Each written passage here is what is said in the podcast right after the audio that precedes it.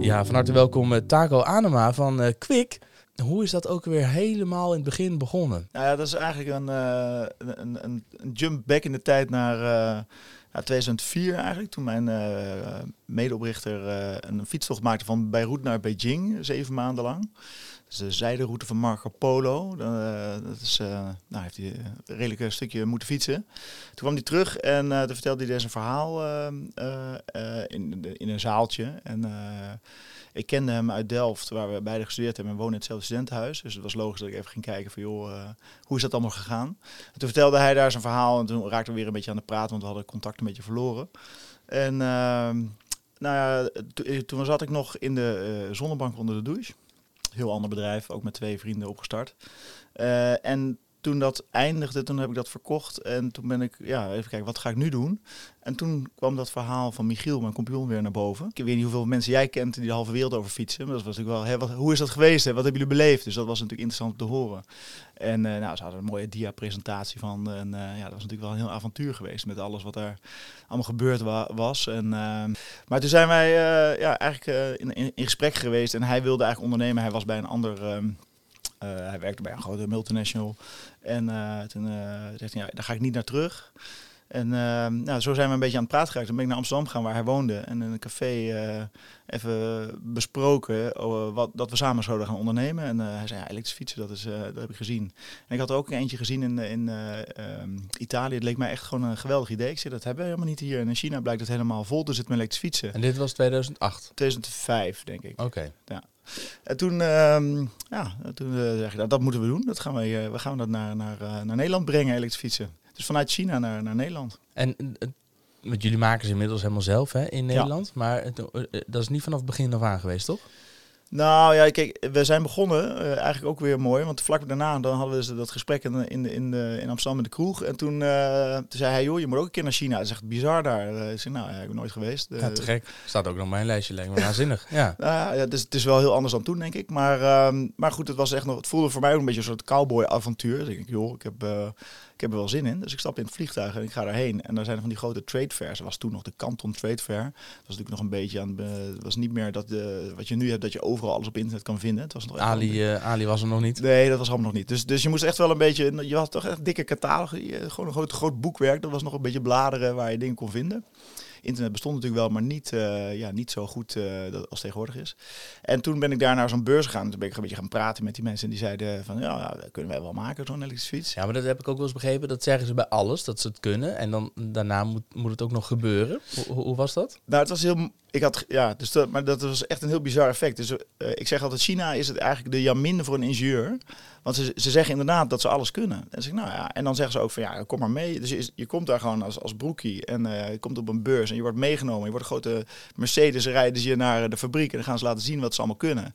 En dan is het eigenlijk, kijken ze je een beetje vragend aan. je hebt nu gezien wat we allemaal kunnen. Wat wil je? Wat kunnen we voor je doen? Nou, dat is natuurlijk geweldig. En je bent dus daar meteen al meegegaan naar zo'n elektrische fietsenfabriek?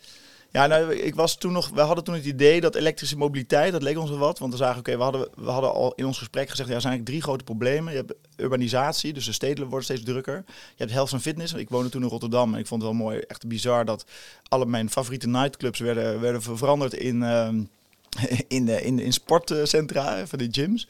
En de mensen gingen daar met de auto naartoe. Dat vond ik altijd hilarisch. Dus je, je stapt in je auto, dan rij je naar, naar, ja, naar de gym sporten. om dan te sporten. Dat vond ik dan heel, heel maf. En, uh, en laatst is natuurlijk gewoon de milieu, ja, eigenlijk de milieu- en, en uh, luchtverontreiniging uh, topic. En dat merkte ik gewoon als je fietst door Rotterdam, dat is echt een autostad. Ja, dan vond ik altijd heel bizar dat je ingehaald wordt door een brommer. Dat je dan echt even zo'n hap lucht moet nemen. Want hij komt langs en dan wacht je op die weg. En dan wacht je de ergste, ergste rokers en dan denk je, oh nu kan ik weer normaal ademen. Ja, dat is eigenlijk heel raar dat we het normaal vinden. Dus dat waren eigenlijk de main topics. En zo kwamen we op elektrische mobiliteit. En dus ook niet alleen op elektrische fiets, maar ook gewoon op elektrische mobiliteit in de brede zin. Maar we hadden, nou, auto's is het ingewikkeld, dus we houden het op uh, brommers en fietsen. Dus aan het begin zijn we met elektrische scooters en elektrische fietsen begonnen. En waren, die scooters waren dan gewoon eigenlijk benzinescooters waar dan de motor uitgeklust was en batterijen in een elektromotor. En bij de fiets was het een beetje hetzelfde, hetzelfde aanpak eigenlijk. Gewoon je fiets stopt een plak er een batterij bij, een elektromotor en dan... Uh, nou, dat waren dus ook niet de meest fraaie modellen, maar zo zijn we begonnen. Jij kwam daar in die fabriek, jij zag daar die scooters die zij konden produceren. Je Ja. zag daar die fietsen en toen dacht je, die gaan we...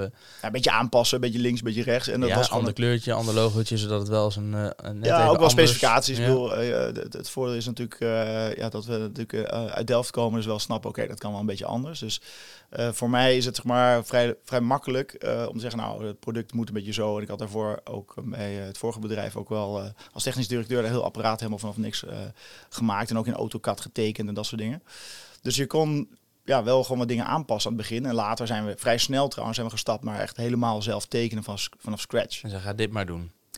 Ja, en dan ook kun je helemaal gewoon... Eerst begin je dus met samenstellen van wat is er te koop op de markt. Maar aan het begin waren er dus heel weinig toeleveranciers. Dus je moet eigenlijk alles zelf doen. Ja, maar er waren in het begin ook heel weinig klanten. Dus hoe gaat zo'n... Ja, dat is een ander verhaal. Toch? Ja, nee, maar dat snap ik. Nee, maar hoe ga je dan als ondernemer daar in zo'n Chinese fabriek het gesprek aan?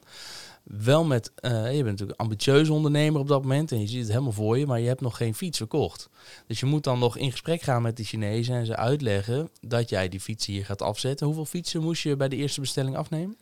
Ehm, nou ja, het was, het, ze verkochten dingen per container. Dus, dus, dus ja, ik wist niet hoeveel er in een container paste. Dus ja, ik was al aan het praten. Ja, doe maar zo'n container vol dan met, met, met die dingen. Dat bleken er dan 190 te zijn. Ehm, nou, vond ik wel meevallen. Ik dacht 190 eh, gaan we wel verkopen. Dus, en ik had dus ook eh, nou, weinig contact. Ik kwam terug in, in, in, eh, in Nederland. Dat ik zei tegen Michiel van ja, nou, we hebben, ik heb een container scooters gekocht en een container fietsen. En die komen er over een paar maanden aan. Ja. En dan hebben we nu nog een paar maanden de tijd Om om, te eh, verkopen. om een bedrijf op te bouwen wat, wat er omheen hoort. Ja, het waren jullie echt met z'n tweeën. Ja, aan het begin, eh, en, eh, en sterker nog, hij, was, eh, hij was, had nog een, eh, een, een baan, was fietspaden aan het aanleggen voor de gemeente op dat moment. En eh, ja, uiteindelijk is dat, eh, heb ik hem moeten pushen om zijn baan echt op te zeggen en fulltime eh, in de onderneming te stappen. En toen hij dat deed, zijn we heel snel, echt een paar weken later, hebben we onze eerste verkoper aangenomen. Ja. En daarna zijn we ingenieurs gaan, ingenieurs gaan aannemen om, om ook nieuwe producten te ontwikkelen. En hoe, hoe kwamen die fietsen maar een paar maanden later uit de container? Was het wat je verwacht had? Ja, nou, dat was sowieso natuurlijk een heel, heel, heel bizar mo- moment. Want die dingen kwamen, kwamen aan, zou je zeggen van ja, hoe, hoe gaat dat? Wij wisten wij ook niet. En ik had natuurlijk wel wat ervaring in productieomgeving, maar niet eh, met, met handel uit China. Dus we hadden gezegd, oké, waar moet die container dan heen? Wordt je dan gevraagd, nou, ik breng maar naar ons pand. En ik woon in een anti-kraakgebouw in, eh, in Rotterdam. En eh, toen kwam die vrachtauto voorrijden met die container. En die man keek ons een beetje glazig aan van, wat ga ik hier doen? Waar ga ik lossen? En dus wij, wij zeiden, oké, nou ja, die, die dingen kunnen weer uitgeladen worden. Dus die man die opent zo die deur en wij probeerden zo één zo'n fiets uit te halen. En dat duurde ongeveer een half uur. Toen zei die vent, ja, ik moet nu echt weer door. Want waar is je heftig?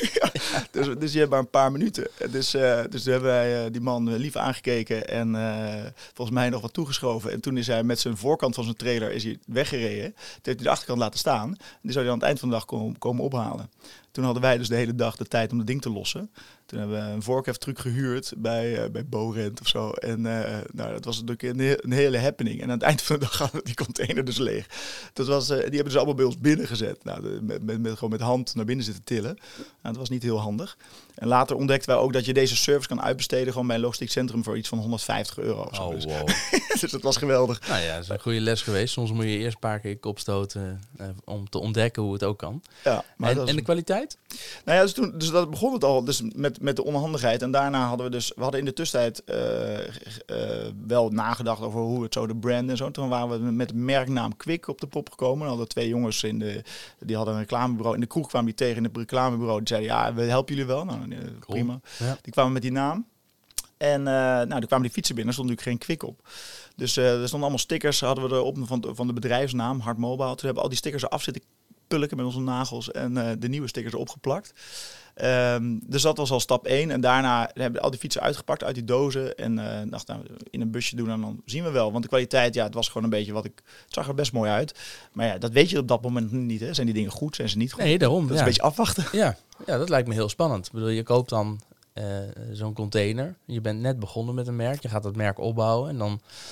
Moet, hè, er zijn zat verhalen waarbij mensen de container openen en waarbij het niet is wat ze verwacht hadden. Ja, nou dat, dat, dat gebeurt natuurlijk uh, ja, best wel vaak. En ook in detail is dat natuurlijk ook ons wel heel veel gebeurd. En dat is niet dat het hele product niet klopt, maar dat ze wel bezuinigd hebben. Op, hè, dan hebben ze, dan zeg je nou, dit moet zo, dit materiaal plastic zijn. En dan gedurende de tijd wordt het, gebruiken ze ander plastic, is dan 10 cent goedkoper. Oh, ja. En dan gaat het in de zon wel kapot en, en crackt het. En, uh, en, en hele knullige dingen. Dus wat mij opvalt is dat op de grote lijnen krijg je wel redelijk wat je vraagt. Maar juist in de details, daar zitten ze altijd te pielen. En dat is ook voor ons eigenlijk een reden geweest om steeds verder weg te gaan. En steeds meer ja, naar, naar, naar leveranciers die betrouwbaarder zijn. En dan kom je vanzelf dus of in Europa terecht of in Taiwan. Of er zijn natuurlijk in China ook hoogwaardige. Maar nou, die moet je wel even vinden voordat je. Dus je moet je weg daar vinden. Dus de, degene die met open armen staan om, om uh, uh, klaarstaan voor je van kom bij ons. Dat zijn niet per se de beste. Natuurlijk. Nee, die hebben tijd genoeg om dat te doen. Om daar te staan. Als ja, het echt precies. heel druk zouden hebben, dan uh, ja. Nou, het is ook al hoop veranderd hoor. Als je nu in China komt, is dat natuurlijk niet meer te vergelijken met 15 jaar geleden. Nee. Je, op een gegeven moment hebben jullie ervoor gekozen om ze niet meer uit China te halen. Ja, nou, het was sowieso een proces, want we zaten, eh, wat, ik, eh, dus wat we nu al een beetje bespreken, dus controle hebben op, op een productieproces wat aan de andere kant van de wereld plaatsvindt, is sowieso best lastig. Dus je moet eigenlijk gewoon mensen hebben die daar lokaal dat voor jou doen. Um, en ja, dat, is, dat is een, beetje een proces geweest. Dus we zijn uiteindelijk steeds meer ook zelf gaan ontwerpen, waardoor we ook meer dat hele ontwerpproces wilden volgen en ook de kwaliteit wilden volgen, et cetera. En dan is het gewoon handiger om dat gewoon dicht bij huis te doen. En we hadden eigenlijk vanuit de duurzaamheidsoptiek ook wel bedacht, ja, je wil eigenlijk het maken heel dicht bij waar je het verkoopt. Uh, nou zijn er in Nederland natuurlijk heel weinig fietsfabrieken. Er zijn er wel trouwens, maar uh, waar echt alles gemaakt wordt. Dus de meeste dingen worden nog steeds wel geassembleerd op basis van. Precies. Ja. Dus dan heb je wel wat assemblagefabrieken. Maar dus, dus uiteindelijk is dat dichter bij huis halen is gewoon wel echt een, een, een, wens die we al hadden. In 2018 zijn we eigenlijk helemaal gestopt uit, met China, ook omdat de import duties toen heel hoog werden. Dus geopolitiek speelde er weer ook allerlei dingen waardoor het minder aantrekkelijk werd ook om met China te maken. Ehm, maar ja, toen zaten we dus in Europa. En wat ik wel jammer vond, omdat je, je merkt in China dat daar zo'n maakcultuur en ook zo'n hele cultuur daar om, om, om, om te bouwen, die is al wel meer dan in Europa. Dus uh, iets beginnen in China, als je iets wil maken, is makkelijker dan in Europa. Maar goed, we waren als bedrijf ook gelukkig wel iets verder. Maar dat heeft ons wel eens wel wat hoofdbrekens gekost uh, om, om hier een goede productielijn op te bouwen. Maar dat, hebben we nu afgelopen uh, vier jaar, vijf jaar, vier jaar, vijf jaar zijn we ermee bezig. En dat begint gelukkig nu weer goed te lopen. Ja, we hebben best wel wat ondernemers ook onder de luisteraars. Wil je wat uh, missers delen uit die tijd? Wat lessons learned, favorite failures? Wat zijn de uh, je noemde al nou, die container die bijvoorbeeld komt en dan gelost moet worden. En je denkt, fuck, hoe gaan we dat eigenlijk doen en waar gaan we ze laten? Wat zijn, eh, welke voorbeelden kun je nog meer noemen van, van hoofdbrekers, uh, wakker liggen, zweet in de bil na het shit, hoe gaan we dit doen? Nou ja, er zijn eigenlijk er zijn ontelbare dingen die we heel onzinnig en dom hebben gedaan. Uh, en, maar dat is ook denk ik wat er een beetje bij hoort hoor. Dus ehm, ja, ik zit even na te denken wat nog. Je hoort er u absoluut bij fouten maken bij het ondernemen. alleen worden ze het gaat vaak ook in podcasts en et cetera, gaat het vaak over de, juist over de successen. En uh, terwijl ik als ondernemer juist ook benieuwd ben naar de momenten waarop het ja, even billen knijpen was. want die zijn vaak veel leerzamer nog. Uh, dan, de, dan de, het feit dat het nu heel goed gaat, is natuurlijk waanzinnig, gaan we het ook over hebben. Maar ik ben ook wel benieuwd naar de lessen die je hebt geleerd.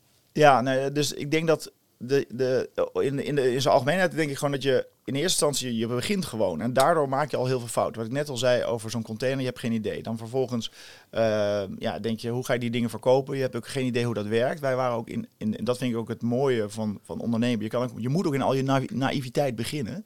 Dus, uh, en dan maak je dus ook de hele tijd hele domme fouten. Um, maar wij wisten helemaal niet hoe dat hele verkoopsysteem zou werken. Uh, dus hoe, hoe, uh, wat de afspraken waren bij dealers. Dus wij waren al heel blij als we één fiets hadden verkocht. Uh, we hadden in het begin helemaal geen reserveonderdelen. Dus als iets kapot ging, dan moesten we dat van een fiets die we nieuw hadden staan afschroeven. Dus hadden ook helemaal niet over nagedacht. Het hele servicemodel, nou, die ding gaat toch niet kapot? Nou, die bleek natuurlijk wel kapot te gaan. Dus moest je dan... Dus Um, en heel snel hadden we op een gegeven moment uh, uh, ons eigen geld er eerst ingestopt. En dan hadden we natuurlijk de eerste twee containers meegekocht. Maar op een gegeven moment dan merkten we ook dat de kosten wel... We waren heel erg kostenbewust, want we, we betaalden geen huur. En we hadden op een gegeven moment wel... begon het wel een beetje te lopen. En toen merkten we ook dat we heel snel dus uit ons geld liepen. En dan kom je ook heel, dat is was wel vrij snel waar we mee te maken hadden. Dat we, oké, we moeten dus nu een businessplan maken, geld ophalen, de bank erbij halen, investeerders. En ik denk dat daar zit heel in die fase, zeker als je een product hebt, um, denk ik dat daar een goede les zit dat je dat sneller moet doen. Want wij zijn echt wel meerdere malen op het randje van faillissement geweest. Puur omdat we gewoon, niet omdat het niet goed ging als bedrijf, je was al een bouwen, maar je geld gewoon op was. Ja. Dus ik denk dat dat wel een belangrijk uh, element is. Dat is noowordt zo sexy, want ik vind zelf heel leuk om over, over het product te praten of over, uh, over uh, uitbreiden van de, van de verkoopkanaal te praten. Maar ja, dat, dat, dat wordt nog vaak vergeten. Cashflow en geld in goede financiën op, op orde hebben. Dat was uh, ja, niet onze hobby. En dat hebben we echt door schade en schande moeten leren. Dus ik uh, denk ik, uh, dat is eigenlijk denk ik het beste advies voor mensen die aan het schalen zijn, toch? Dat je daar echt op let.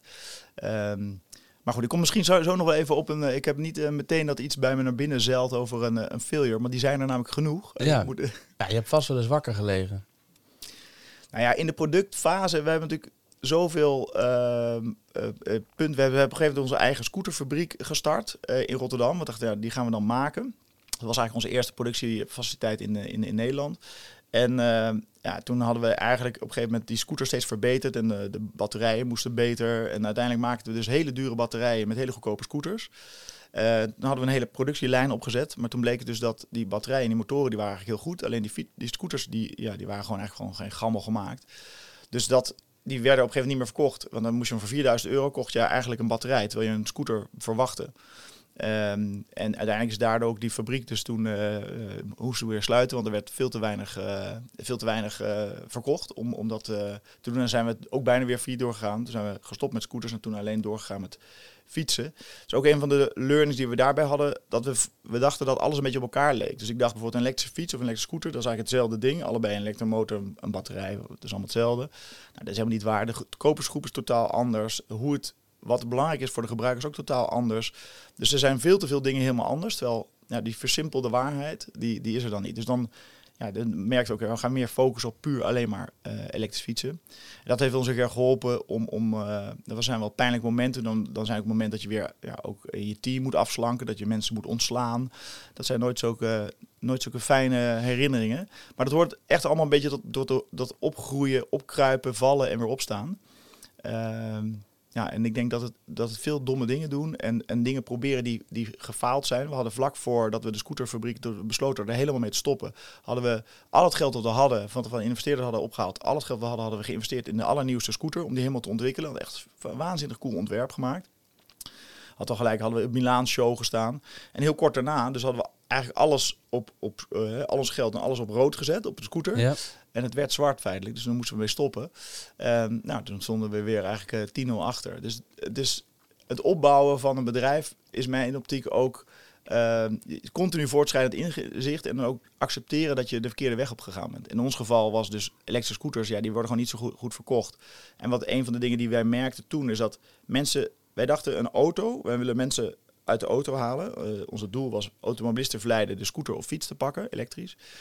En toen dachten we, 80% van alle autoritten is korter dan 20 kilometer, dus dat is een goed verhaal. Dus die moeten we, die moeten we aan, adresseren. Nou, als je dan niet hebt zin op de fietsen, dan ga je eerst naar een elektrische scooter. En als je dat dan gewend bent, kun je daarna gaan fietsen. Dat dachten we.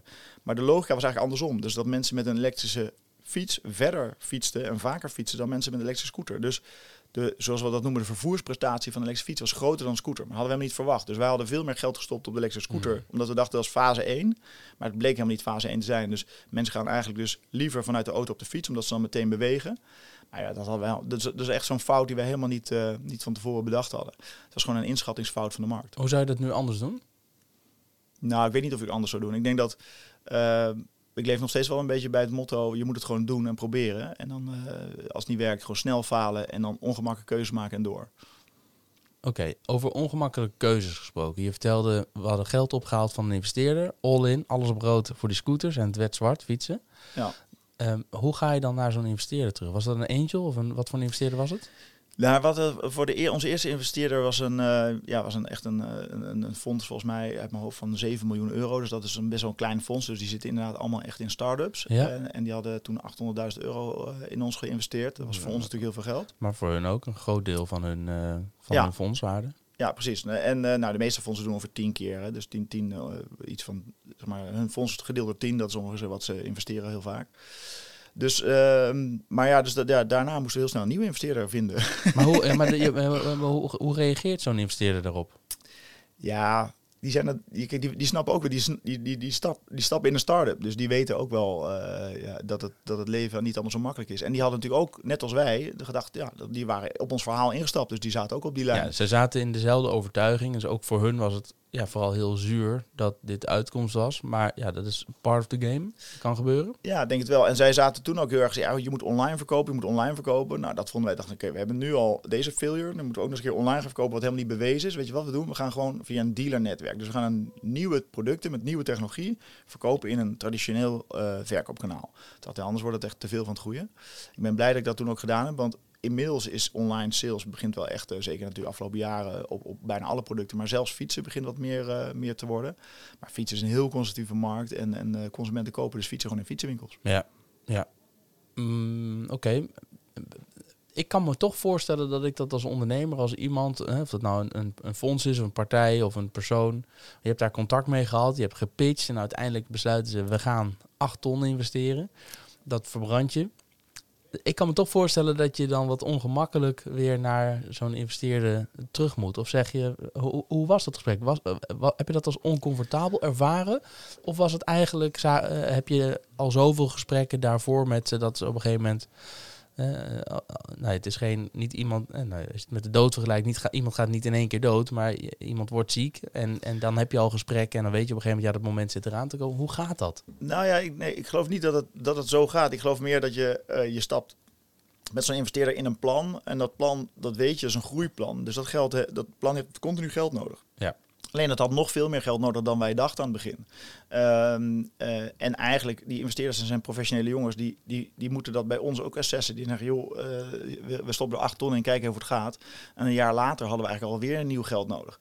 Nou, ik denk dat als je dan heel snel naar hun terug gaat en zegt, joh, we hebben toch meer geld nodig dan dachten, dan is het logisch dat zij zeggen, ja, uh, hoe kan dat? Nou ja, ook dat, maar ook zoek het dan maar ergens. Ga maar kijken of je ergens anders geld kan ophalen of je iemand anders kan overtuigen. Dat hebben we ook gedaan.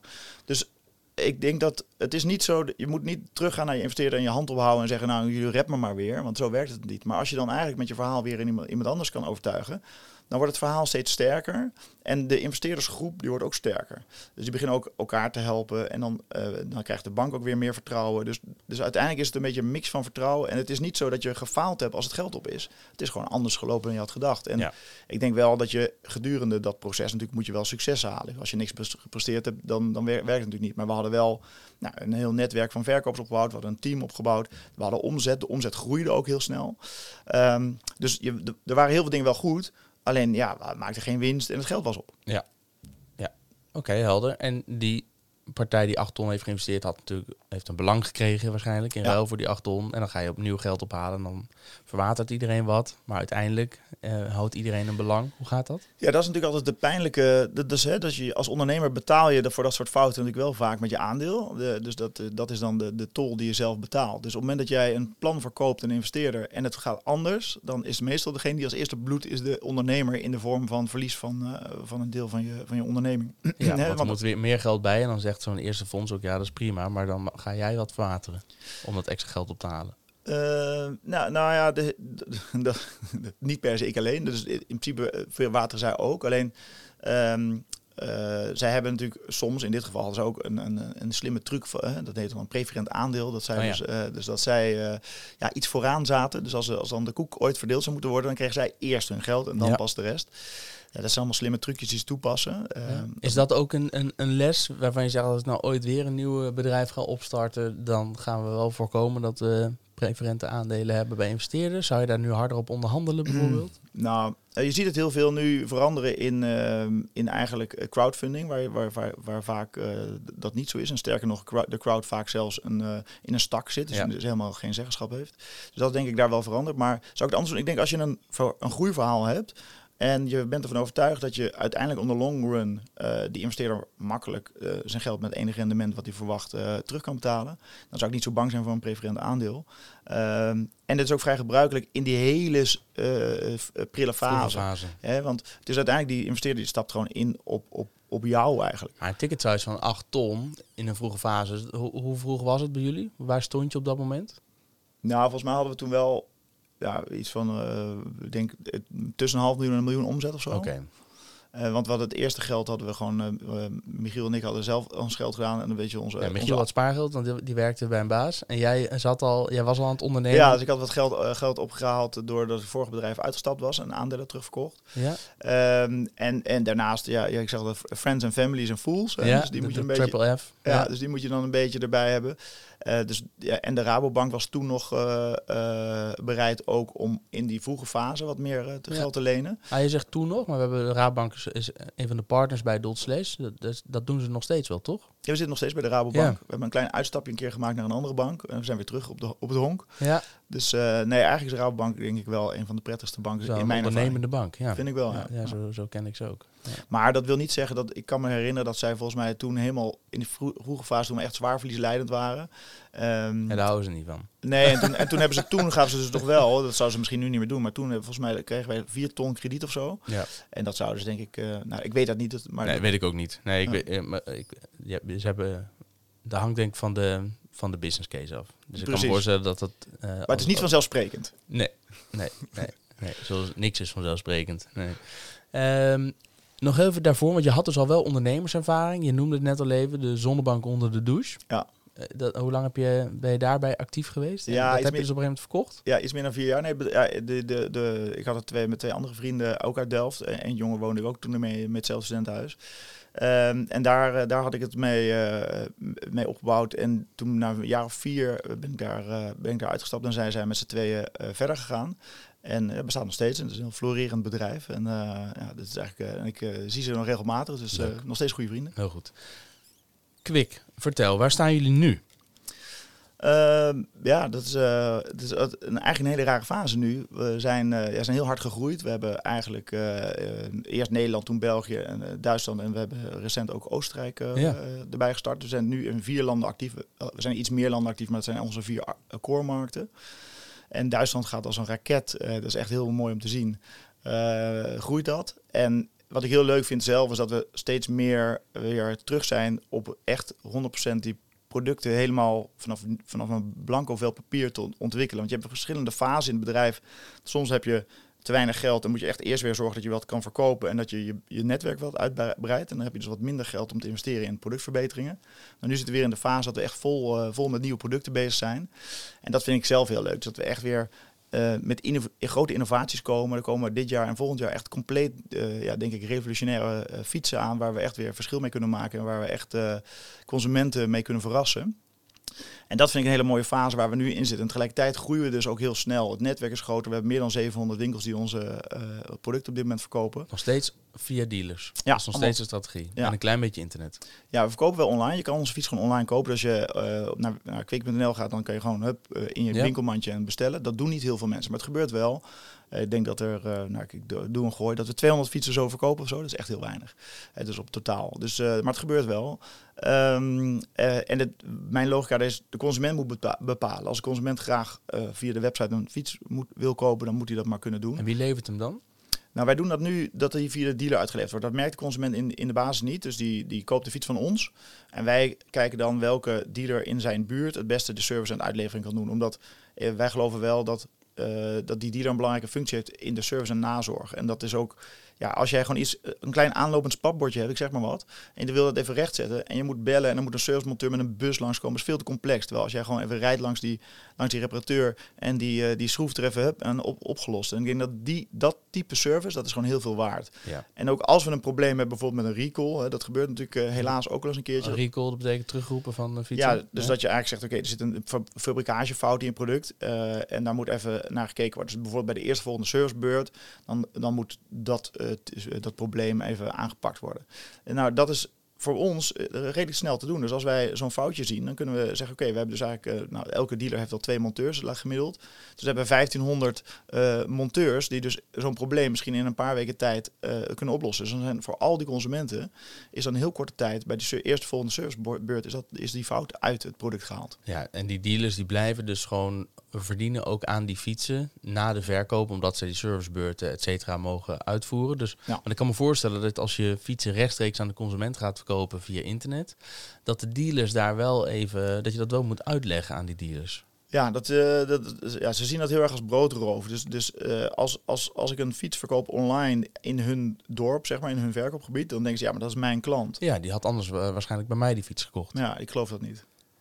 Nee, want die klant die kiest ervoor om online iets te bestellen en, en de andere klant die gaat naar de winkel. Ja, dus ik denk dat dat zo is. Ik denk dat namelijk als die consument bij die man in de winkel is geweest en dan bij ons online een, een fiets bestelt, Ja. ja, dat, dan, wat heeft die man dan verkeerd gedaan? Weet je wel? Dus dat, dat, dat lijkt me niet een, een, een waarschijnlijk scenario.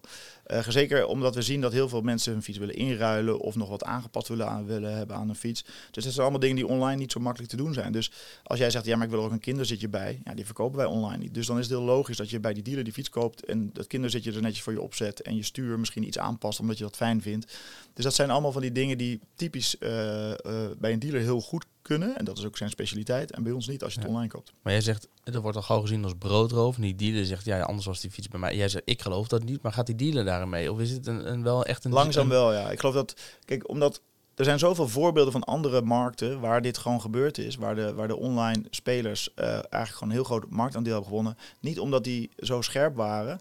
Eh, je hebt natuurlijk ook wel, je hebt eigenlijk twee logica, eh, wat ik, hoe ik het naar kijk. Je hebt aan de ene kant heb je online omdat het goedkoper is. Dus dat is gewoon prijs, op prijs concurreren. Nou, dat wil je niet, want wij, wij zeggen we zijn een premium, echt een aanmerk met hoge kwaliteit. Dus moet ook de prijs niet eh, leidend zijn. Dus je gaat niet zeggen, oké, ik ben goedkoper, dus dan koop ik daar.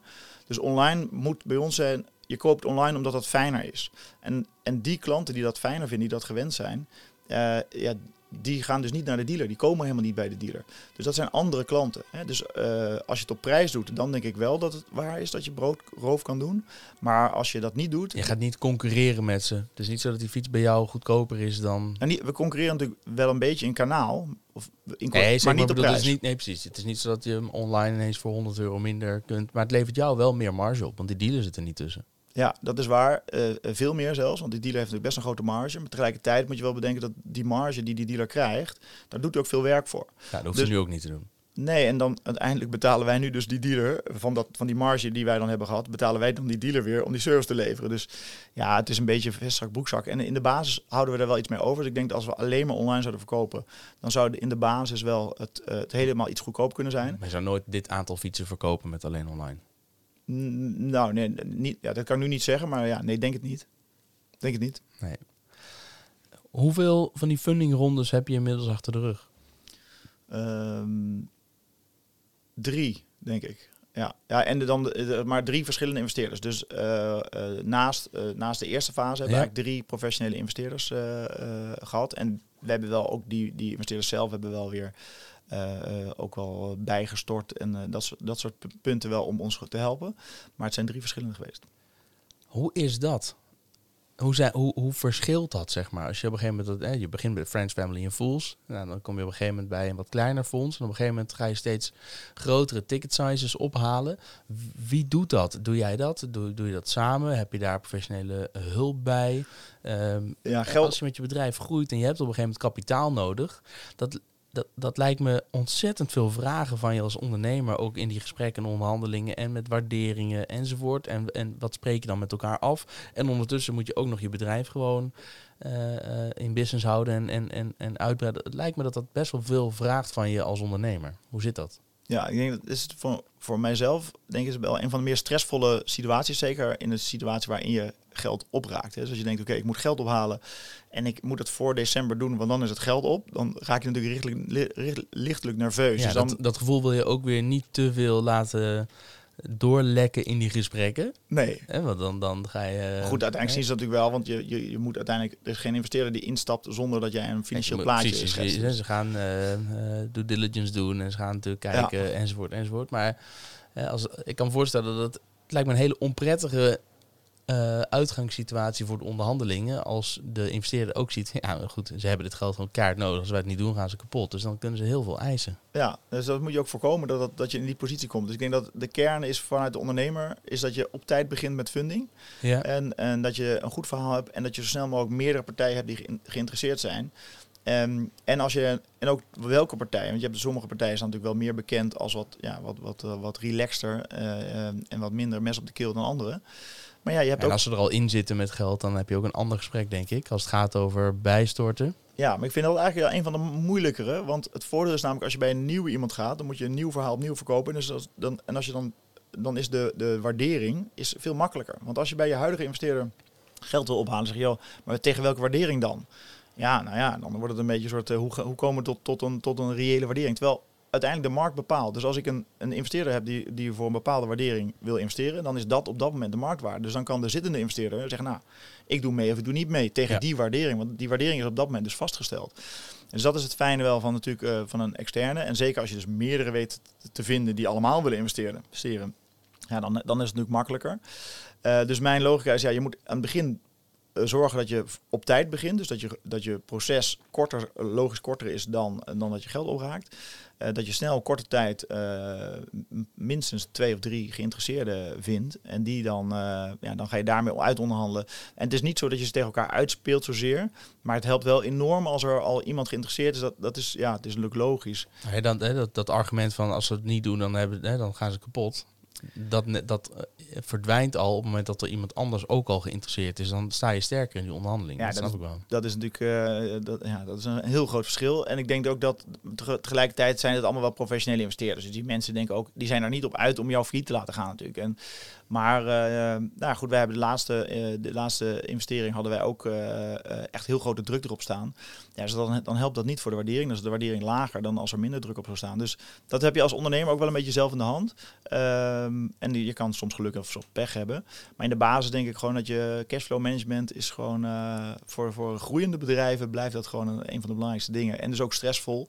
En als, als ondernemer moet je dus ook zorgen dat je, ja, dat je daar niet al te, dat dat niet te veel aan je plakt. Want anders eh, leidt de operatie onder. Dus je moet wel inderdaad gewoon je bedrijf laten blijven runnen. Ja, nu, eh, huur daar eh, eh, ehm, mensen voor in om je te helpen bij zo'n proces? Hmm. Of gaat het gewoon zelf op onderbuikgevoel en ervaring? Nou, in het begin, kijk, aan het begin heb je geen ervaring, dus alleen maar onderbuik. En dan heb je natuurlijk wat mensen die je adviseren, maar niet, eh, nee, dat gaat het allemaal vrij rustig. Eh, en naarmate de, de bedragen groter worden en de investeringspartijen ook professioneler, dan ga je dus daar met corporate finance mensen die gaan je dan helpen. Dan heb je verschillende bedrijven die, eh, die eh, sterker nog, extreem veel mensen die dat eh, Ja. corporate finance die je graag helpen, want ja. die verdienen daar gifgeld aan. Ja. En die, en die hebben dan vaak een succes, eh succesfee. Dus als, dus eigenlijk zijn het zo gewoon een soort makelaars die je wel helpen met het, met, met het verhaal goed te vertellen. Dus net zoals je een huis gaat, eh, gaat verkopen, er moeten mooie foto's worden gemaakt, een, een, een mooie brochure. Ja, En dan-. Ja, en dat Ja. is, daar helpen ze je mee. Dat moet je wel zelf doen trouwens, maar daar helpen ze je wel mee.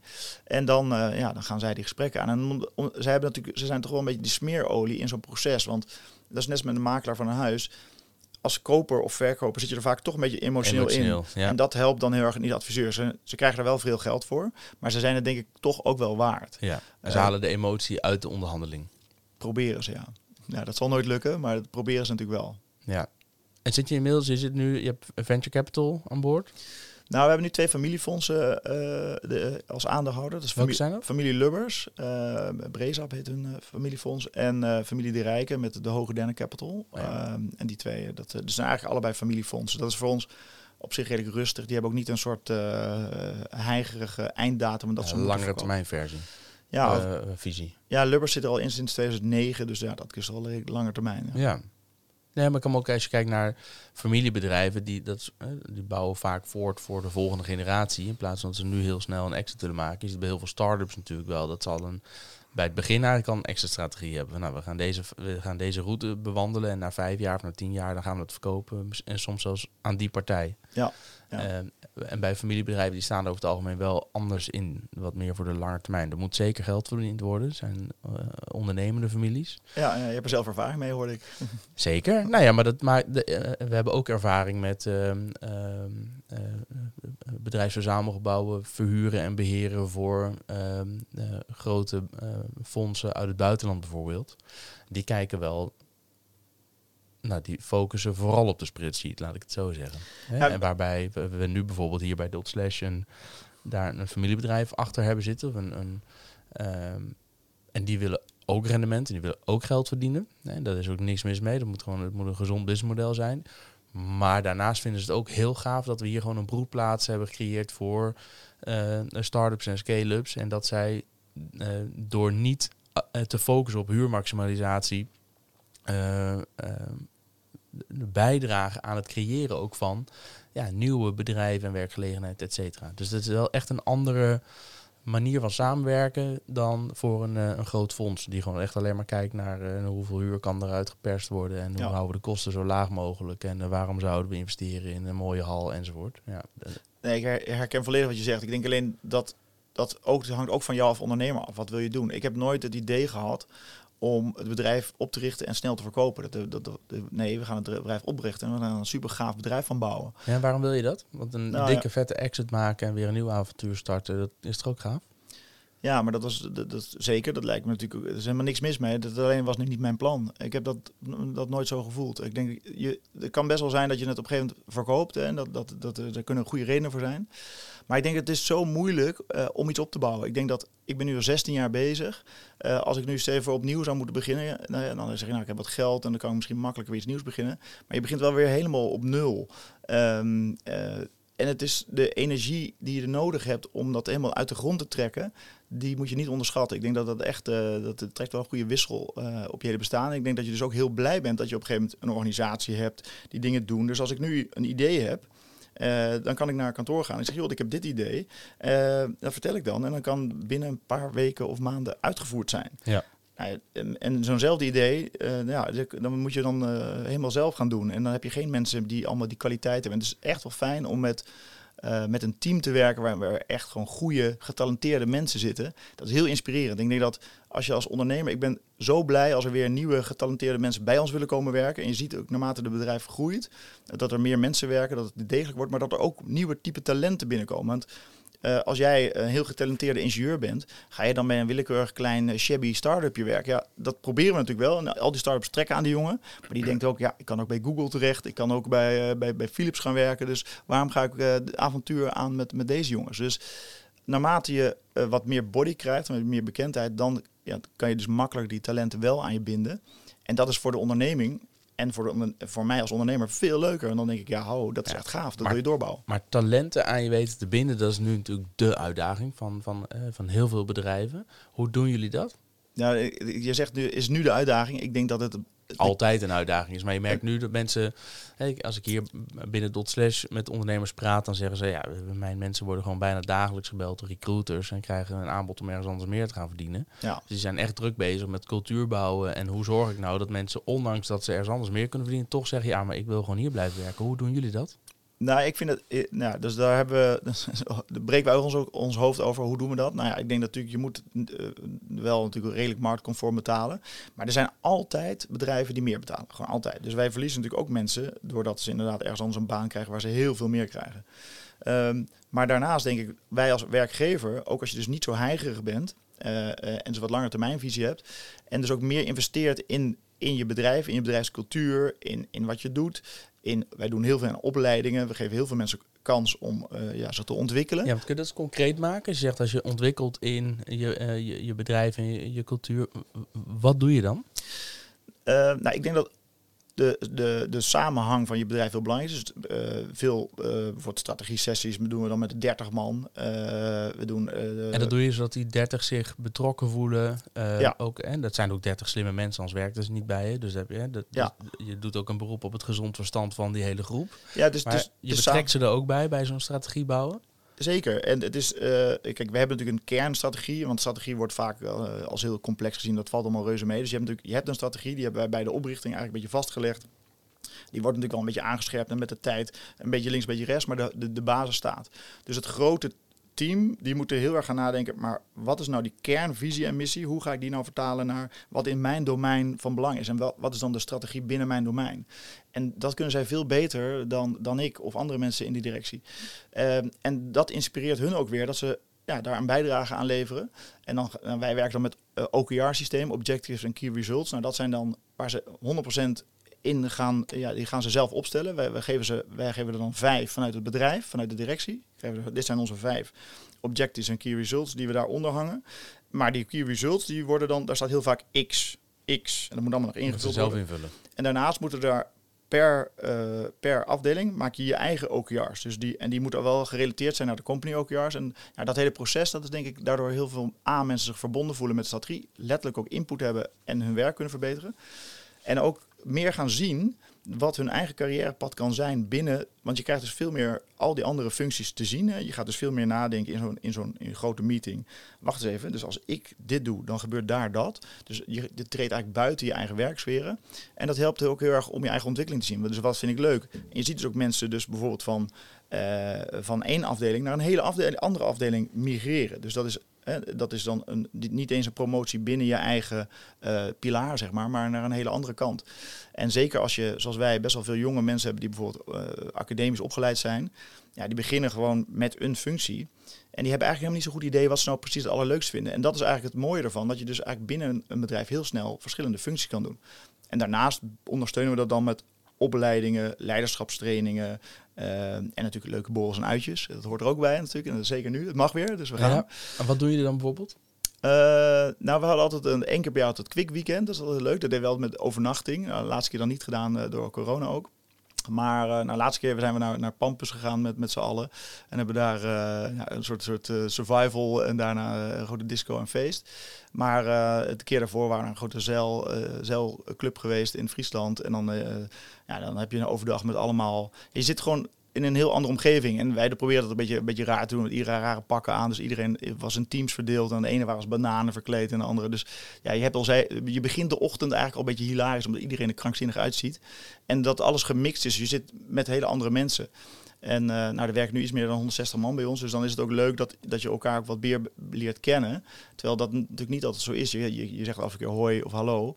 Maar op die manier leer je elkaar op een hele andere manier kennen. En dan zie je er daarna ook soort andere groepjes ontstaan die dus weer hun eigen uh, borrels organiseren en hun eigen barbecues. En uh, nou, we hadden voor corona begin nu weer een beetje te ontstaan uh, de vrijdagmiddagborrels. En, dus dan het gaat een beetje om die samenhorigheid, dat familiegevoel. En dat zeg ik niet omdat dat goed is voor mij als ondernemer, maar dat is gewoon goed voor iedereen die gewoon een leuke werkomgeving wil hebben. Want je moet wel elke dag dat werk doen. En als je alleen maar thuis zit achter de computer, dan mis je dat helemaal. Dus ik denk dat een belangrijke pijler is van de, uh, van de tevredenheid die je kan hebben in je werk. Ja, ik wil het graag nog even met je hebben over de internationalisering. Want jullie zijn inmiddels ook in Duitsland, maar ook zelfs in, in Oostenrijk uh, uh, actief. Ik kan me voorstellen dat Duitsers, maar ook Oostenrijkers, er heel anders kijken naar mobiliteit en elektrisch rijden en elektrisch fietsen. Um, sowieso andere mindset, andere manier van benaderen. Hoe pak je dat aan, um, überhaupt? En, en hoe, hoe, hoe, ga je die, hoe maak je zo'n stap naar het buitenland? En welk land was het eerst en waarom dan? Welke vragen uh, stel je elkaar dan? Nou ja, kijk, ik, kijk altijd over, over versimpeld naar, naar dingen toe. Dus als ik denk naar, naar, België, naar Vlaanderen, dat is gewoon, die spreken Nederlands, dat zijn, uh, die zijn hetzelfde als Nederland. Dus daar gaan we gewoon fietsen verkopen. Dat kunnen we in Nederland, dus dat kunnen we daar ook. Tegelijkertijd weet ik ook wel dat er grote cultuurverschillen zijn. Dus denk ik, oh, hoe gaan we nou zorgen dat de dingen die ik niet zie, dat we die wel borgen? Nou, dan nemen we gewoon een Belg aan. Nou, en dan, dan neem je dus een Belg aan, die gaat dan fietsen verkopen in België. Um, en zo kan je dan uiteindelijk vrij makkelijk erachter komen dat er best wel veel dingen anders zijn. Dus, dus de, hoe de Belgen benaderd willen worden, dat ze misschien iets andere type fietsen willen hebben. Dus dat leer je dan allemaal. En dan ga je kijken hoe kunnen we dan nou verenigen, hoe kunnen we nou de volgende generatie fietsen? Want je bent dan wel een beetje succesvol, maar niet super succesvol. En zo, hoe ga je dat nou verbeteren? Nou, dan ga, die hele waslijst met commentaar die je hebt opgehaald, die ga je kijken, zit er, kunnen we dat doen? Kunnen we de fiets zeg maar ver, verbelgen zonder dat de Nederlanders eraf haken? Welk voorbeeld kun je noemen van een verbelging van de fiets die je hebt doorgevoerd? Nou, in, Bel in België hielden ze niet van de batterij op de achterkant van de, van de, van de bagagedrager. Waarom niet? Ja, dat vonden ze dan niet mooi. En dat was een okay. gezegd voor de gewichtsverdeling. Ja, ik geloof er niet zoveel in, maar goed, dat vonden zij dan. Ja. Dus dat moest, uh, en er moesten allemaal middenmotoren in zitten. Want uh, ze hebben daar meer heuvels. En de motor in het midden, dan kan je het koppel meer overbrengen via vertanding. Dan kan je makkelijker ja, een heuvel. In plaats van in het voorwiel. Ja, voor- of achterwiel. Ja. ja. Voor Nederlands voor- of achterwiel prima trouwens. Uh, maar het wordt bijna niet meer verkocht. Dus we hebben nu in Nederland rijden we allemaal op middenmotorfietsen. En die zijn heel goed in de bergen, maar die hebben we hier niet. Maar ja, we verkopen dus in Nederland alleen maar fietsen, voornamelijk fietsen met middenmotor. Ja. En in België was dat eigenlijk een eis. Dus een, een, een Belgen kochten geen fiets met een voor- of achtermotor. Dus nu hebben we eigenlijk Nederlanders, uh, en dat geldt voor Duitsland hetzelfde. Dus we, Nederlanders rijden nu eigenlijk op Duitse fietsen. Ik vind dat Duitsland en België best wel op elkaar lijkt wat dat betreft. Maar uh, qua, qua fiets, uh, niet qua land. Maar nee, zo, dus eigenlijk zeg je, het, het maakt voor de Nederlander niet zoveel uit. Alleen doordat je deze, hè, de, deze verandering hebt doorgevoerd, verkopen ze makkelijker ook in Duitsland en België. Ja, en nu hebben we in Duitsland is onze grootste groeimarkt en onze fietsen zijn enorm aan het verduitsen. Dus wij hebben steeds Duitsere fietsen. Uh, en de Nederlanders die waarderen eigenlijk die Duitse fietsen heel hoog. Dus het is heel grappig dat je, je we gaan de fietsen afstemmen op wat de Duitsers willen. En je krijgt dan feedback van de Nederlandse klanten die zeggen van ja, wat geweldig dat jullie dat doen. Want het zijn echt veel beter. Dus de dingen die die Duitsers willen worden heel erg gewaardeerd hier. Maar het is niet waar de Nederlanders in eerste instantie om vragen. Dus dat is heel grappig hoe dat dan werkt. En, Ja. en dat moet je dan wel een beetje voorzichtig mee zijn. Want Nederlanders hebben natuurlijk, wij verkopen wel Nederlandse fietsen in Duitsland. En dat heeft bijvoorbeeld te maken met de zitpositie. Eh, eh, een van de dingen die wij blijvend hebben is best comfortabel zitten. En terwijl Duitsers zijn heel erg gewend om heel sportief te zitten. Maar dat vinden ze eigenlijk niet fijn. Dus nu dat brengen, dat Nederlandse dik, eh, stuk van comfortabel fietsen, dat brengen we weer naar Duitsland. En dan zeggen we, ah, Hollandraad. Hè, dat, dat is herkenbaar. Terwijl we hebben eigenlijk dus qua specificaties meer een Duits fiets gemaakt. Maar qua eh, rijhouding weer een Nederlands fiets. En dat combineer je dan. Dan heb je dus iets nieuws. Dat zowel in Nederland als in Duitsland heel erg gewaardeerd wordt. Wat goed. En, en als je zo'n stap wil maken naar land, heb je dan nog, bijvoorbeeld heb je, krijg je dan hulp van ambassades, RVO, eh, eh, eh, misschien wel regionale ontwikkelingsmaatschappijen. Zijn, zijn er partijen die je dan inschakelt om je daarbij te helpen of ga je alles zelf uitzoeken? Ehm, nou ja, dus, dat, we krijgen heel vaak inderdaad van ambassades krijg ik een, mailtje of ze willen helpen. In, de, in België en Duitsland hebben we dat niet gedaan. Ehm het zijn natuurlijk onze buurlanden, je rijdt er makkelijk heen. Eh, taalbarrières ook eh, beperkt. Dus je kan best wel makkelijk eigenlijk gaan starten in, in, in België sowieso. In Duitsland is het iets lastiger, maar nou, het grootste punt was in Duitsland eigenlijk dat je een, een GmbH moet oprichten, dat je mensen daar op de loonlijst wil hebben, dat even de belastingdingen en Ja. een bankrekening openen in Duitsland. Dat heeft volgens mij drie kwart jaar geduurd voordat we die hadden. Dus dat zijn hele stomzinnige dingen die wel heel veel tijd kosten. Ehm, dus je, ja, het, is wel, het is wel meer werk dan je zou verwachten van tevoren, maar we hebben daar geen hulp bij gehad van, van ambassade of zo. Nee. Waarom heb je dat niet gedaan? Die Nou- zijn er toch om je als Nederlands bedrijf te helpen met eh, eh, die internationale stappen? Ja, maar ik denk dat wat wij maken en wat wij doen is best wel eenvoudig. We, we hebben op een gegeven moment een elektrische fiets ontwikkeld. En die verkopen we aan, in, in tweewieler speciaalzaken. Nou, in Duitsland en België zijn er tweewiel speciaalzaken. Dus die kan je gewoon bellen. Ik heb gewoon een lijst eh, eh, eh, samengesteld. En dan kwamen we erachter dat er 8000 eh, Duitse winkels waren. Die hebben gewoon allemaal een brief Ga je maar benaderen. die hebben gewoon allemaal een brief geschreven. En die zijn allemaal gaan bellen. Ik denk altijd, ja, 8000. Is dat veel? Nou, valt wel mee. Kan ik ze bellen? Ja, kunnen we allemaal bellen. Hoe lang duurt dat? Nou, hoeveel, hoeveel doen we dat? Ja, Nou, ja. En dan heb je een paar weken Neem heb je, iemand aan, dan ga je dat doen. heb je ze allemaal gebeld. Dus ze maken het soms ook onnodig ingewikkeld. Nou, nee, dat weet ik niet. Ze willen je wel met alle goede intenties helpen, denk ik. Maar misschien is het gewoon niet nodig. En ik, kijk, als ik nu naar, eh, naar, een, naar een heel land ga waar ik de cultuur, de taal niet ken, helemaal echt niks van weet. Ik vind dat eh, eh, hoe, je, hoe je zaken doet, dat, dat maakt natuurlijk echt wel uit. En Duitsland en Nederland zijn best wel hetzelfde. We zitten allebei in de euro, eh, Europese Unie. Maar bijvoorbeeld als ik naar buiten de Europese Unie zou gaan, dan denk ik wel dat ik een ambassade entree goed kan gebruiken. Het is grappig dat je zegt dat eh, Duitsers en Nederlanders zo op elkaar lijken. Ik heb ook echt wel andere verhalen gehoord dat de manier van zaken doen in Duitsland toch ook echt wel, echt wel heel anders is. Of heb je daar hetzelfde trucje toegepast als eh, je hebt gewoon een Duitser aangenomen die de taal spreekt en die al die manier van zaken doen snapt. Dat is volgens mij de enige manier.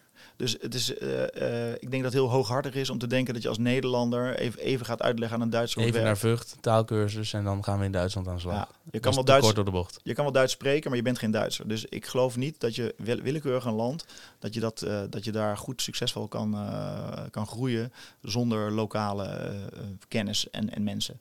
Dus wij doen Duitsland met Duitsers. We hebben gewoon een heel team Duitsers. En we zitten Duitsers in Amsterdam, op de service, technische service, customer service, productontwikkeling, eigenlijk overal. En we hebben gewoon een heel team Duitsers in Duitsland.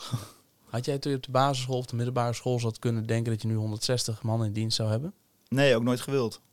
Nee, nee, dat is ook niet iets wat je na moet streven, denk ik. Veel Zoveel mogelijk personeel. Nee, zeker niet. Nee, nee. Nou, het, het leuke is wel, wat ik daarin gemerkt heb, is dat eh, een bedrijf van 30, 40 man, dat is eigenlijk heel leuk. En dan heb je eigenlijk een soort familiegevoel. En dan kan je dat als, als ondernemer, als, als directeur eigenlijk eh, op, op een heel leuke manier eh, op, ja, eigenlijk trekken. Eh, en dan heb je eigenlijk een fase zo boven de 50 begint het heel ongemakkelijk te worden. En dan, dan moet je eigenlijk naar een organisatie toe gaan met, met rollen en verantwoordelijkheden, et cetera. Die, eh, waar het bedrijf nog te klein voor is. Dus je hebt een soort vacuüm. En ik merkte The toen... Valley of Death. Ja, ik Ja. denk wel tuss, dus tussen de 120 en, uh, en, en, en 50. Dat is een heel ongemakkelijke fase. Nu zijn we daar wel een beetje doorheen. Dus we hebben nu uh, een, een, directie, we hebben een managementteam, we hebben een leadershipsteam, we hebben OKR-systemen, we hebben raties, hè, de, wie waar verantwoordelijk voor is. Nou, dat, met 40 man wil je dat allemaal niet. Uh, met 160 wil je het ook niet, maar je hebt het nodig. Het moet wel. Ja. Zijn er meer van die noodzakelijke kwaden die je hebt doorgevoerd? Ehm, nee, ik denk dat ik de dingen die ik net heb opgenoemd, dat zijn wel, denk ik, de, hoofd, de hoofdlijn. Denk ik echt die goede verantwoordelijkheden. En dat is nog steeds een grote uitdaging voor ons. Want we krijgen nog steeds nog klachten over dat ze sommige mensen de strategie niet duidelijk vinden. Of, of dat ze niet helder, communicatie niet helder vinden.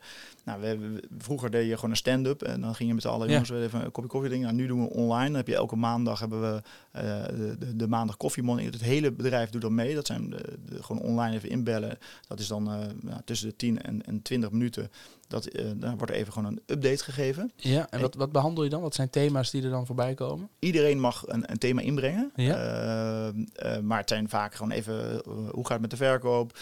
Wat, de, wat, zijn topics die er spelen? Is er iets op de service? Of is er een nieuw product? Of is er een voortgang geboekt ergens? Soms een leuke korte demo dat iemand laat zien, joh, de, de, de hele website is vernieuwd. Of we zijn een grote marketingcampagne in Oostenrijk aan het doen. En dan leggen ze even in korte tijd uit wat ze aan het doen zijn. dus je kan ook gewoon is ook een podium voor jezelf om het te laten zien. Hey, we zijn echt met coole dingen bezig met ons team. En, en dat deel je dan even aan het hele grote team. Um, het is een beetje een mix. En soms zijn het ook gewoon uh, simpele mededelingen als we gaan verhuizen. En, uh, of we moeten de vuilnis niet meer, niet meer buiten zetten. Want dat kan ook dat soort dingen. Kan van alles zijn. Ja. Ja. Heb jij um, een mentor als ondernemer? Nee, nee, dat is een goede vraag. Daar ik laatst weer over na te denken dat ik dat toch weer... Vroeger had ik dat altijd wel en nu, uh, nu niet. Ben je bekend met NL Groeit?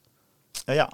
ja. NL Groeit heeft een enorm mentorennetwerk... die op basis van Pay It Forward als mentor uh, kunnen helpen om, om je verder te helpen groeien. En dan kijkt NL Groeit ook welke... Ehm, wat voor een ondernemer ben jij en in welke business zit je? En waar zit je nu in, in je business qua fase? En welke ondernemer zou daar uh, welke mentor zou daar goed op kunnen aansluiten? Dus misschien wel interessant om daar naar te kijken. En dan groeit ook een van de partners van Dotslash. Uh, en die zijn er voor ondernemers uh, met een omzet vanaf een miljoen of vanaf 10 medewerkers. Nou, daar zit je inmiddels ver boven. Um, dus misschien interessant om daar eens naar te kijken. En je zei, ik had het vroeger wel. Um, waarom nu niet meer? Nou, dat is een beetje zo gelopen. Um, als je als, als startende ondernemer, dan is het denk ik heel verstandig om te gewoon te zoeken, om, wat maar houvast te zoeken. En eerst eh, deden we mee aan een businesswedstrijd. Toen was er nog nieuw venture, was dan uh, moest je een businessplan schrijven. Dat helpt je erg om, om, om te leren hoe je businessplannen moet schrijven. Uh, en daar komen dan weer adviseurs bij. En zo kom je in zo'n netwerkje terecht. Waarschijnlijk hetzelfde als bij NL Groeit. Je komt dan in zo'n netwerkje van mensen die je helpen. Ja, en daar, ja, daar bouw je dan door. En later ben ik dan met, eh, met uh, de oprichter van Boer en Kroon. Die had dan een, een, een programma 2020. Zijn we daarin gekomen. Kregen we daar weer sales trainingen. Dus dan werd je echt als ondernemer echt klaargemaakt voor, voor het bouwen van een bedrijf.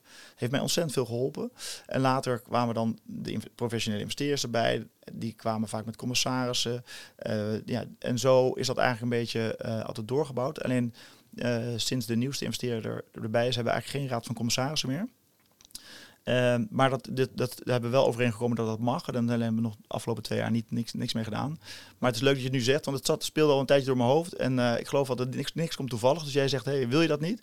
Dus dat is weer voor mij een extra aanleiding om te zeggen, ja, dat, uh, ja, is blijkbaar is, tijd doen het op, uh, op basis van paid forward. Dus het kost je niks. Het enige wat ze je vragen is dat jij op een zeker moment in jouw carrière dat wel ook weer ja. voor andere ondernemers gaan, gaat doen die dan weer net wat, nou, wat, wat minder ver zijn dan jij op dat moment. Ja, nee, en ik denk, ik vind dat een fantastisch initiatief. Ik zou het zelf ook graag doen. Het is alleen, dus voor jezelf, je, je moet wel inderdaad even op het moment in zo'n ding zetten. En je merkt, als ik terugdenk, denk ik altijd met heel veel tevredenheid uh, op terug. Ik denk dat helpt enorm, zeker. Ja.